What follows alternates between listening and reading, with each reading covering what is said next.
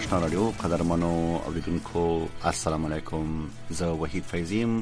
د نن او وضعیت په خبرونه کې تاسو په چوپړ کې يم هر ورځ موږ په دې خبرونه کې په افغانستان کې د روانو چارو او وضعیت په اړه بحث کوو په دې خبرونه کې هم په ملګرو ملتونو سازمان کې په اته اویم عمومي غونډه کې د افغانستان د وضعیت په اړه یو شمېر هیوادونو مشرانو خبرې کړې دي په ځانګړې توګه د ایران، ترکیه، قطر او پرون بیا ابل پرون بیا د تاجکستان ولسمشر د افغانستان د وضعیت په اړه خبرې کړې دي د ټولو مسایلو په اړه د خبرونه کې ما سره د سیاسي چارو شنونکي ډاکټر محمد هاشم دانش ملمد او ورسره به باسو کوم دانش صاحب خبرونه ته بخیر راغلی سلامونه تاسو ته تخنیکی همکاران او اوریدونکو ته وعلیکم سلام دانش صاحب په ځانګړي توګه د قطر ولسمشر په افغانستان کې دا ویل دي چې د دوه تړون باید عملی شي د ایران ولسمشر په افغانستان کې د ټولګډونه حکومت پر جوړېدو خبرې کړې دي د تاجکستان ولسمشر بیا له افغانستان د نشئی توکو قاچاق باندې اندېښنه خوده لیده را په شو لومړی پښتنه به زدا سو کوم چې د ټولو مشرانو خبرې څومره د پام وړ دي د افغانستان د وضعیت په اړه جالب خدا ده چې د افغانستان اصلي مسببین چې د حالات په افغانستان کې راوړي ایالات متحده امریکا متاسفانه چې جو بایدن د افغانستان نوم هم وانه خسته په دې غونډه کې ولې مختلفو ملکو مشرانو خپل څرګندونې وکړې او خپل تشویشونه یې اعلان کړه د افغانستان کې یو داسې یو حالات را روان دی فعلا د پاره چې د طالبانو حکومت هیڅوک په رسمیت نه پیژني ډیپلوماټیک روابط د اکثرو مملکتو سره وجود نه لري کې لري هم په شکل د غیر رسمي دي چې رسمي بڼه نه لري هر ملک د جغرافیایي فاصلې په اندازه سره تشویش لري په تور مثال باندې تاجکستان د مواد مخدر او تروریزم په حق له تشویش لري ایران دا څه فکر کوي چې د اهل تشیع حق تل نه ورکول کیږي او د داعش د پروژې څخه تشویش لري و په دې خوا قطر بیا د دوحي د تړون د پلي کولو په هکله باندې نګران دی چې باید دا پلي سي او د دې مادي باید تطبیق سي چې تر اوسه پورې هم نه د طالب اړخ او نه د امریکا اړخ د دوحي د تړون جزئیات د خلکو سره د میډیا سره نه دي شریک کړي چي دا چي ټوله دنیا وايي په طور مثال قطر، امریکا، طالبان چي دا د دوحي تړون نه عملي کیږي نو دا باید وویل سي چي ناقضین د دي څوک دي که کوم اړخ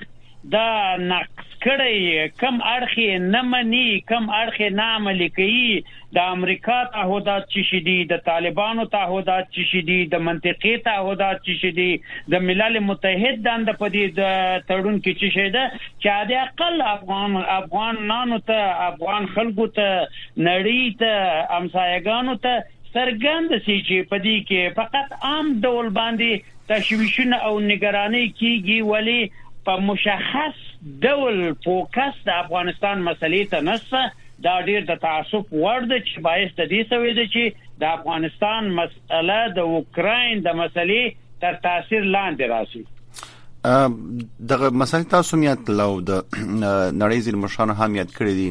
کومه مسله اوس وخت ډیره جدي ده او د پام وړ ده ک مخدره مواد دي امنیت دي ټول شمول حکومت جوړول دي زما په آند باندې تر ټولو نه اساسي مسئله دا ده چې افغانستان صاحب د یو داسې حکومت سي چې هغه په ملي او بین المللي مشروعیت ولري یعنی هغه وخت کې دای چې دا تشویشونه باندې په مستقیم ډول باندې بحث وسی او افغانستان کې یو مسؤل حکومت وجود ولري چې هغه مسؤل حکومت د هر مملکت تشویش یا اسنا تاسو ته جوته ده چې یو مملکت چې د یو اړخ څخه تشویش لري یا نگرانی لري یا یو موضوع شریکي حتما اسناد ورسره سره مدارک ورسره سره کچیرته هغه مدارک و یا هغه اسناد د حکومت رسمیت ولري هغه د وزارت خارجه سره شریکيږي یا قناعت ورکول کیږي او یا هغه حکومت د مسولیت منی چې په دې موضوع کې د دوی څخه د اقل داسې برخورد سره سهلنګاری شوی دی یا د موضوع په نظر کې نه ده نیولې د ټولشموله حکومت د دوحي د تړون د امنیتي اندېښنې د تروریزم اندېښنې دا ټول شی په یو مسؤل حکومت پورې تړلې خبرې دي دا خبرې اشیوي دي چې خلک یې کوي زه د تروریزم سره تشویش لرم زه د مواد مخدر تشویش لرم زه د هم شمول حکومت تشویش لرم زه دا تشویش لرم ولې اصلي تشویش دا دی چې یو مسؤل حکومت باید وجود ولري یو مسؤل کس باید د افغانستان رئیس جمهور یا رئیس الوزرا اوسي چې دنیا یې په رسمیت وپیژني افغاني مشروعیت ولري دا موقته اداره ده تر اوسه پورې د طالب په اضافه تر دوه کاله خپل موقت ادارې ته تغییر ونه سوای د چواره کې طالب په دوه کال کې یو اساسي قانون جوړ نه کوي چې دا حکومت د کم قانون لمخه څخه کیږي تاسو ته جوته ده چې دا دلیل نسی کېدل چې مونږه شرعي قانون لرو یا قران عظیم الشان زمون قانون دی په دې نړۍ کې خو ډیر داسې قوانين ست چې هغه په هیڅ عنوان باندې په دې شریعت اثر کې په شریعت او په آیات او په حدیثو کې هغه مسائل نشته په تور مثال حریم فضایی کې ته څه رقم قوانين په شریعت کې ته په دې ته پیدا کوی شي یا الکترونیکی جرایم ته ته په شریعت کې څه شي ودی ته پیدا کوی شي آیا په هغه وخت کې الکترونیکی جرایم جالب هم دا ده چې دانش صاحب زیاتو طالب چارواکو هر کله چې په خپل څرګندونو کې همدغه مسله یادې چې هر څه کوو خو د اسلامي ارزښتونو په سینه تیریږو تاسو دغه یو مهم مسله ته اشاره وکړه د موقت حکومت یادونه تاسو وکړه په تیر دوه کلونو کې فکر کوي اراده ورته نه وکړه یا شته ورته چې تر اوسه پورې د موقته اداره په اصطلاح د دوی دوام کوي یو شی چې طالبان وایي چې ډېر معذرت چې مونږ د اسلامي ارزښتونو نه تیروګو افغانستان اسلامی مملکت وو د افغانستان په خوانی اساسي قانون هم اسلامی وو دا څه نه دی چې اسلام نن طالبانو افغانستان ته راوړی دی اسلام په افغانستان کې سابقه درلوده دلته د طالبانو اکثریت رهبران چې تاسو فعلا د پاره ګورئ د پخوانی مجاهدینو قومندانان دي په شمول د د دوی اول امیر المؤمنین مولا محمد عمر خون خپل د مولوی محمد نبی د مجاهدینو د ډلې یو قومندان یا مثلا دا نور کسان چې تاسو پیلان وینئ دا هر یو شجره چې تاسو د طالبانو ووینئ دا د مجاهدینو خو په دې ملک کې مجاهدینو حکومت وکړي نو دا په دې معنی نه دی چې دا اسلامي قوانون یا مثلا دا مجاهدین په داشل کاله په دې حکومت کې چې امریکایان راغلي و هم په دې حکومت کې د مجاهدینو ډیر ستر رهبران په شمول د حزب اسلامي ګلبدین په دې کې شامل وو استاد ربانی په دې حکومت کې شامل وو استاد خلیلی په دې حکومت کې شامل وو استاد محقق شامل وو ټول رهبران شامل وو نو دا چې تاسو د شرعي ولې رالو ودی ته چې اراده زه درته وایم چې بعضې قوانین د مملکت یو اساسي قانون اساسي قانون ستون فقرات دی یو حکومت دی ته نه څه کولای چې انسان وجود ولري ستون فقرات وجود ونه لري هغه انسان حرکت نه څه کولای هغه به یو جسم چې خوراک او پودغه به کوي ولې حرکت نه لري نه پیشرفت کوي شي نه ترقی کوي شي نو د افغانستان د حکومت د اساسي قانون نشتوالی په دې معنا باندې دی چې دا یو جامد یو یو انسان دی چې ستون فقرات یې ځنې ایستل شوي نه پیشرفت کوی شي نه ارتباط برقرار کوی شي نه اجتماعي معاشرت هېڅ شی نه لري بله مسله دا ده چې ستا د سوال په ارتباط چې آیا د حکومت یا جوړولو یا دا حکومت چې مثلا تر اوسه پورې موقت اراده وجود نه لري په دغه شکل باندې غواړي چې طالب تر اوسه په دې اکل باندې هیڅ نو سرګندونې نه کړي وخت طالب قانون اساسي و نه لري حکومت نه سي جوړولای مجبور دي چې حکومت موقت وسی مجبور دي چې دغه سي نظامی حالات وسی نو چې دوی خو باید اول د حکومت و دولت تعریف کی هر شي ځان ته یو تعریف لري یعنی ته په سیاسي اصطلاحاتو چې واردېږي حقوقي اصطلاحاتو ته ته چې قانون جوړه اول دا خپل حکومت تعریف یې چې دا حکومت څنګه حکومت دی پر کوم اساس باندې جوړیږي د دې بنا د دې ساختمان بنا به څه رقم جوړیږي نو چې څه قانون اساسي ونه لري خو طالب حکومت نشي تعریف کولای چې تعریف نه کی موقت نشي تغییر نشي ورکولای نو دا د طالبانو د حکومت اساسي نواقص دا دي چې دوی په فریات باندې اخته دي دوی پر داسې شانو باندې اخته دي چې هغه د مملکت فرعي شان دي په تور مثال باندې تلاش دي چې معدن استخراج شي تلاش دي چې باسازي وشي تلاش دي چې مثلا دا کار اوس ته ټول معدن چې ته قرارداد وکې چې حکومت د حقوقي لحاظ څخه مشروعیت ونه لري هغه قراردادونه مشروعیت نشي پیدا کولای یعنی مثلا چین فعلا په دې باندې زړه نه ښه کوي چې د میلیارد ډالر قرارداد د یو حکومت سره وکړي چې هغه ملي او بین المللي مشروعیت ونه لري نو دوی خو معطله کیږي ولې د ښه به سروي به کوي راځي هغه معدن باندې به هغه خپل نخان به باندې پریدي چې د دې قرارداد زمونږ دی مونږ بیا خو خو ولې دا چې عملی بڼه پیدا کی هغه مشروعیت ته ضرورت لري طالب باید تلاش په دی وکړي چې خپل ملي او بین المللي مشروعیت لپاره ګړندي ګامونه واخلي بغیر د دې نه د عمل بحران خواته روان دی د عمل د فقر خواته روان دی د عمل د بدبختی خواته روان دی که څه هم طالبان هیڅ وخت دا نه مني تر اوسه پرې تیر دوه کلونو کې امداني دي نه دي منلي چې په اصطلاح یو ناورین دی په افغانستان کې جریان ولري دا اوس وخت کې خو تاسو د اساسي قانون یادونه وکړه اکثره طالب چارواکي یا مشران پامدي نظر دی وایي چې دوی د اسلامي شریعت پرانا کې په اصطلاح په افغانستان کې حکومت کوي خو ما مخکې درته وویل چې د اسلامي شریعت په رڼا کې په افغانستان کې د اول نه تر اخره پر حکومت وجود لري خو بعضي جرایم دي چې په شریعت کې نشته مثلا ما مخکې درته څو مثالونه درته درکړ دغه وزارت مخابرات چې فعلا وجود لري د دغه وزارت مخابرات ټول قوانين چې ته پر د اترا دی د د د الکترونیکی جرایم دی د سیم کارت او دا او هغه او د صوت اوریدل او د صوت ثبتول او دا مسائل د دې قوانين په شریعت کې ته ماته پیدا کړي دا چیرته دي بله د هوانوردی قوانین په شریعت کې ته ماته پیدا کړ چې د رسول اکرم صلی الله علیه وسلم په وخت کې تیاره چیرې و میدان هوایی چیرې و حریم هوایی چیرې و خط د هوایی چیرې و که فضا ټول پر عین لکه ځکه غونډه هر حتی موټر په وخت کې نه پر خپل پر خط باندې چې کچېرته د خطو څخه تختی کیږي یو د بل پر خط باندې دي یو د بل د حریم څخه استفاده کوي دا جزا لري دا په شریعت کې طالبان ثابت کړي چې مثلا په کم آیات په کوم احادیث کې دا جرایمو ته اشاره کېدای شي زه وایم چې طالبان په دې باندې پوه دي چې دا شریعت او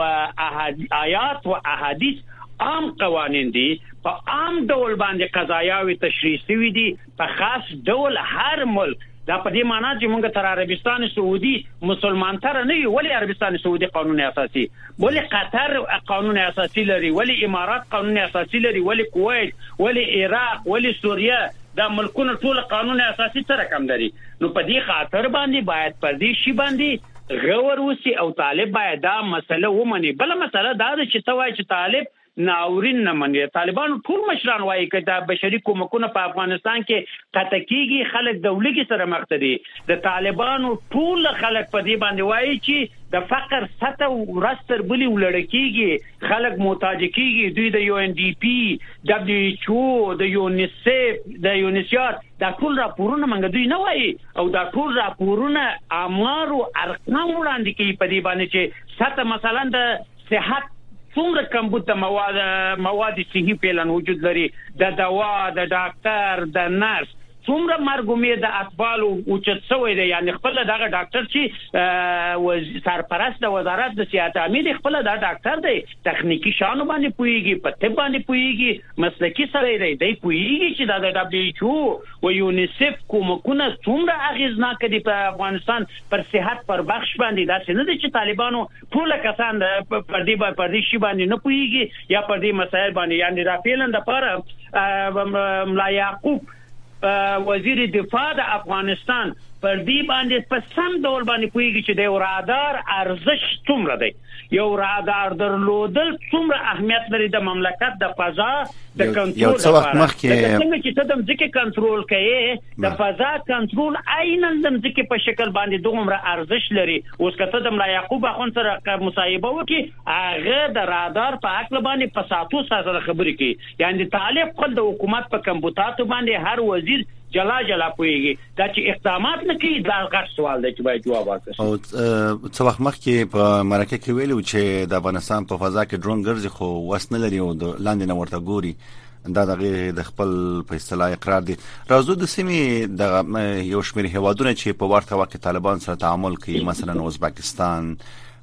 یا نور هوادونه خو په ورته وخت کې بیا د افغانستان د وضعیت په اړه د شکایت هم کوي او اندېښنې هم ښایي په یو وخت کې تعامل او شکایت څنګه د وضعیت تاسو ګورئ دې ته په کوم سترګه ګورئ یو ضرب المثل په پارسی کې دی وای از بیرونی بلا در درونی بلا بهتر است دا ضرب المثل دا دی چې د دې چې د دبانې څخه ګوري چې د نن ولر چې په یو قضیه کې د نن سي الته ولر چې وګوري هغه موضوع ډیره ده دا وی چې هم تعامل کوي او په شکل د اشکال او روابط لري دوی تجارت ته ضرورت لري بازاریابي ته ضرورت لري دوی غواړي چې خپل مواد راوړي په افغانستان کې خاص کې په دې خاطر سره چې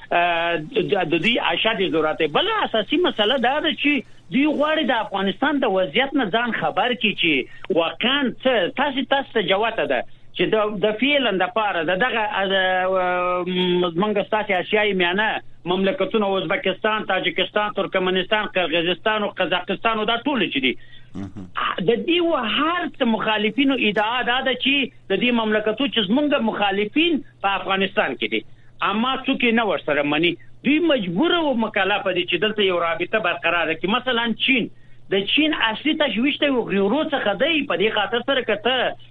د دغه واخانه څخه لار خلاصه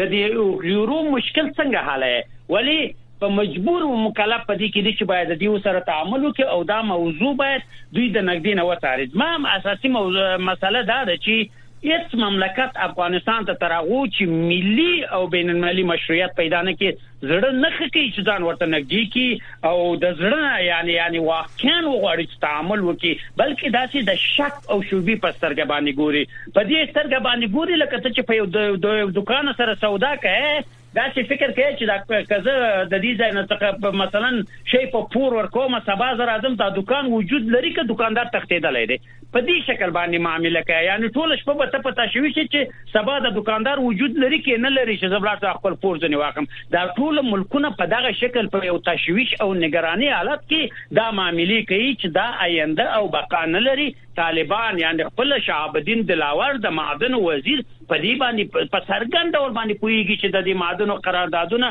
بې بنیاده بې اساسه دي او دا یو قانونمند یو مشروع حکومت ته ضرورت لري یعنی خپل شهاب الدین دلاور په دې موضوع باندې په څرګند ډول باندې پوهیږي یا مثلا امیر خان متقی وزیر خارجه اهمیت د دې چې د ملل متحد کرسي خالي ده، دی په ملل متحد کې خپل غږ نشي پورته کولای، دی په ملل متحد کې نماینده نه لري، د دې په ارزښت باندې امیر خان متقي په ټوله معنا باندې پوهېږي، ولې اساسي مشکل د طالب دا دی چې اقدامات ډیر بتی او سری دي او د طالب په منځ کې یو ګروپ دی چې دا رهبري کوي او دا کړی شاته راکشي او د پیشرفت او د تعامل مخ نیسي چې هغه نامعلومه کړی ده او هیڅوک هم نه سی افشا کولای نسی ویلای تاسو ته جوته د پتور مثال د مکتبو پانتونو په دې حق باندې د ډیرو وزیرانو موینانو غږونه پورته سو ولې ورځ تر بلې بیا دا غږونه بیرته خاموش کیږي په دې معنی چې یو بیرونی فشار دی مثلا عباس ستانکزی معین سیاسي د وزارت خارجه هغه ورځ په پنجشیر کې ویلي دي چې د پانتون او مکتب د جنکو د پانتون او مکتب زمينه فعلا مساعده نه ده الان دا چې د په سلهاو واره دا خبره کړې و چې د مکتبو خلاصول او مکتب ته اجازه ورکول دا هیڅ شرعي او دغه نه لري هیڅوک دا مکتب نشي بندولای ولې په خبرو کې بدلون راغلی دی او ترڅنګ زما بل پښتنه ساز د مخکو خبرو پاړه و چې ملي او نړیوال مشروعیت څنګه ترلاسه کېدې شي ملي مشروعیت په هغه وخت کې پلاس کې پلاس راو راوستای شي چې حکومتونه د ملت سره تعامل وکړي یعنی دا فاصله د ملت او د حکومت لمنځ څخه لیری سی یعنی د د واک و ملت ته وسپارل سی ملت خپل چارواکي تعین کی یعنی اصلي قدرت د حکومتو د ملت په لاس کې دی ملت اوس دا میکانیزم فرق کی چې طالب ته څه میکانیزم انتخابات منی شورای اعلی حق منی لوی جرګه منی چې شي منی یو شی باید طالب ومنی چی دا قدرت یو وار ملت ته انتقال کی بیا یی د ملت څخه دا قدرت واخی ځنی په یو مشروع ډول باندی دا واخی هغه ملی مشروعیت باعث د دی کیږی چی دوی بعضی نورمونه د جهان چی دی کنوانسیونونه د ملل متحد چی دی هغه دوی مکلفیت لری چی باید پر ځان باندی تطبیق کی هلته چی ملی مشروعیت یی په لاس راویستی او دا منشورونه او کنوانسیونونه او د ملل متحد لایې او قوانین چې دوی ومني خود په خود بین المللي مشروعیت لاسته راځي او هغه تشویشونه او هغه نگرانی چې مملکتونه د دوی په حق باندې لري دوی په آزاد ډول باندې مملکتو ته اجازه ورکړي چې دوی راسي خپل سفارتونه خلاصي ګوري چې واقعا دلته تروریست نشته دلته داعش نشته دلته القاعده نسته د دې خاورې څخه د هیڅ مملکت پر ضد استفاده نه کیږي او دا دلته قانونمند حکومت وجود لري په تور مثال صلیب سرخ ضد زندانونه ګوري په زندان کې شکنجه نسته خلکو څخه تحقیق کیږي خلکو ته دوسیه اوس یو یو نما اعلانې چې دومره شکنجه سوې ده وزیر د وزارت داخله اعلانې چې اصلا په زندانو کې شکنجه وجود نه لري هغه امر او ارقام ورکړي دی په یو ټویټ باندې ټول ردی پس نو دا موضوع خو تقریبا ګونګه ده هغه یو خبره کې دا بل خبره کې د ثبوت د دې قضیې د پاره یا مثلا چې دا موضوع څنګه کوي چې په اثبات باندې ورسیږي باید د یو یو تعلقات وجود ولري باید یو گفتمان وجود ولري گفتمان یو نه ماته یو مشروع حکومت سره کوي د یو قانونمند حکومت سره کوي نو طالبانو ته پکار ده چې د دوی رهبری پر دي باندي فوکس وکړي چي ملي او بين المللي مشروعيت اساسي بله پوښتنه ستا دا ده چي ولي دا نظريات تغير کي په طور مثال باندي عباس ستانکزي ولي تغير کي زما په آند باندي ورځ تر بلي هغه قشر چي يو نامرئي لاس دی په طالبانو کي چي د تعليم او د د پوهنتون او د مکتب مخالف دي هغه ورځ تر بلې برلاسه کېږي او دا کړۍ چې د اختلاف غږ پورته کوي ودیو ته هم قناعت ورکول کېږي چې تاسو کوشش وکړئ یا دوی ته کوم وعده او وعید ورکړه شوې ده چې په دې لنډ وخت کې به د دې موضوع رایه حل پیدا شي یا به یو فشار باندې وشي چې تاسو دا غږ مه پورته کوئ یا و دوی ته به د عواملو تشریحات ورته ورکړل شوي اوس چې موږ په دې خاطر باندې دا کار کړی دی بله دانش صاحب د ملي مشروعیت په برخه کې طالب چارواکي ځینی وایي چې دوی د ملت ملاتړ لزان سره لري واقعا هم داسې ده ګوره یو ویل دی یو عمل دی نو که څه د ملي مشروعیت لپاره وایي چې زه د ملت د منځ نه راولاړ شوی یم شل کاله ملت زما سره همکاري کړې ده کلی باندې خلکو موږ ته ډوډۍ راکړې مونږ د ملت په زور د ناتو سره جنگیدلی یو نو لطفا دا قدرت و ملت ته انتقال ک یو میکانیزم د دې نه جوړ ک چې د ملت نه خپل مشروع رایه واخی هغه هغه وخت ثابتیږي چې ته یو ځل دا د قدرت نه خل اصلا سی دا قدرت ملت په لاس باندې ورک سی یا لوی جرګه را وغواړه یا انتخابات وک یا یو بل میکانیزم وځکه هغه وخت کې مشروعیت معلومیږي چې خلک ستا طرفداري کوي دغه شکل حکومت چې ته پیلن لري په افغانستان کې دا خلک ستا سره مني کې نه مني تاسو ته جوته ده په تور مثال باندې یعنی د طالبانو د چارواکو د طالبانو د ویاندویانو خبرې تاسو یو کال مخته وګورئ اوس یې وګورئ یعنی ته اوس پوری هغه ورځ همت طالبانو یو ویان خبرې کی وایي 50 ته شپېته دا پیخي چې یو نما ویلي 50 ته شپېته خو ما لیدل دي چې خلک په نفر په موټر واړي مړ کړي د ایست پوس نه رسوي نفر شکنجه سوی دی دا سوی اته وخت طالب ویان خپل اعتراف په 50 شپېته قضیو باندې کوي په دې معنی باندې معنا باندې چې د طالب کسان متوجي شوي دي چې دا حکومتداري دا شکل چې مونږ روان یو دا حکومتداري نه ده دا مسیر چې مونږ انتخاب کړی دا ترکستان ته دی دا مونږ هدف ته نسی رسولای نو په دې خاطر باندې دوی باید او باید د ملت سره تعامل وکړي او د ملت څخه خپل د مشروعیت لپاره دا واک وسپاري ملت او بیا پیژني واک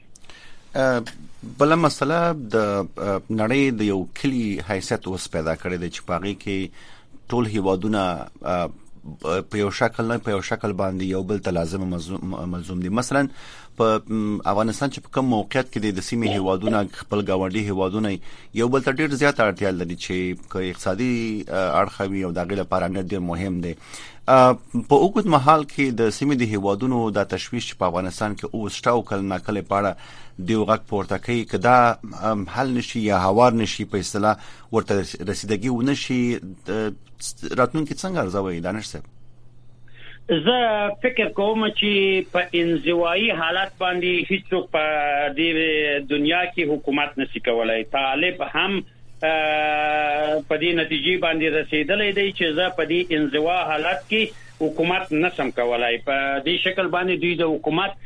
ورتیا نه لري یعنی دوی پویږي په دې حالات باندې په دې خاطر سره چې دوی مجبور دي چې د نړۍ سره تعلقات ولري د نړۍ تعاملات تغیر کړي دا پیلن یو بل نظم په دنیا کې حاکم کیږي دنیا څو قطبی کیږي ته مجبور یې چې د دې قطبو سره یو تعلقات باید وساتي او ته په دې قطبو کې په دې وسط کې خدا نه سي ساتلای ته خو تا ته اوس چین هم ځان نه نږدې کی روسیه هم نه کی امریکا هم په یو شکل د اشکالو ستاسې سره تعلقات لري او هغه تعلقات هم مخفیانه دي چې نه تاسې عملي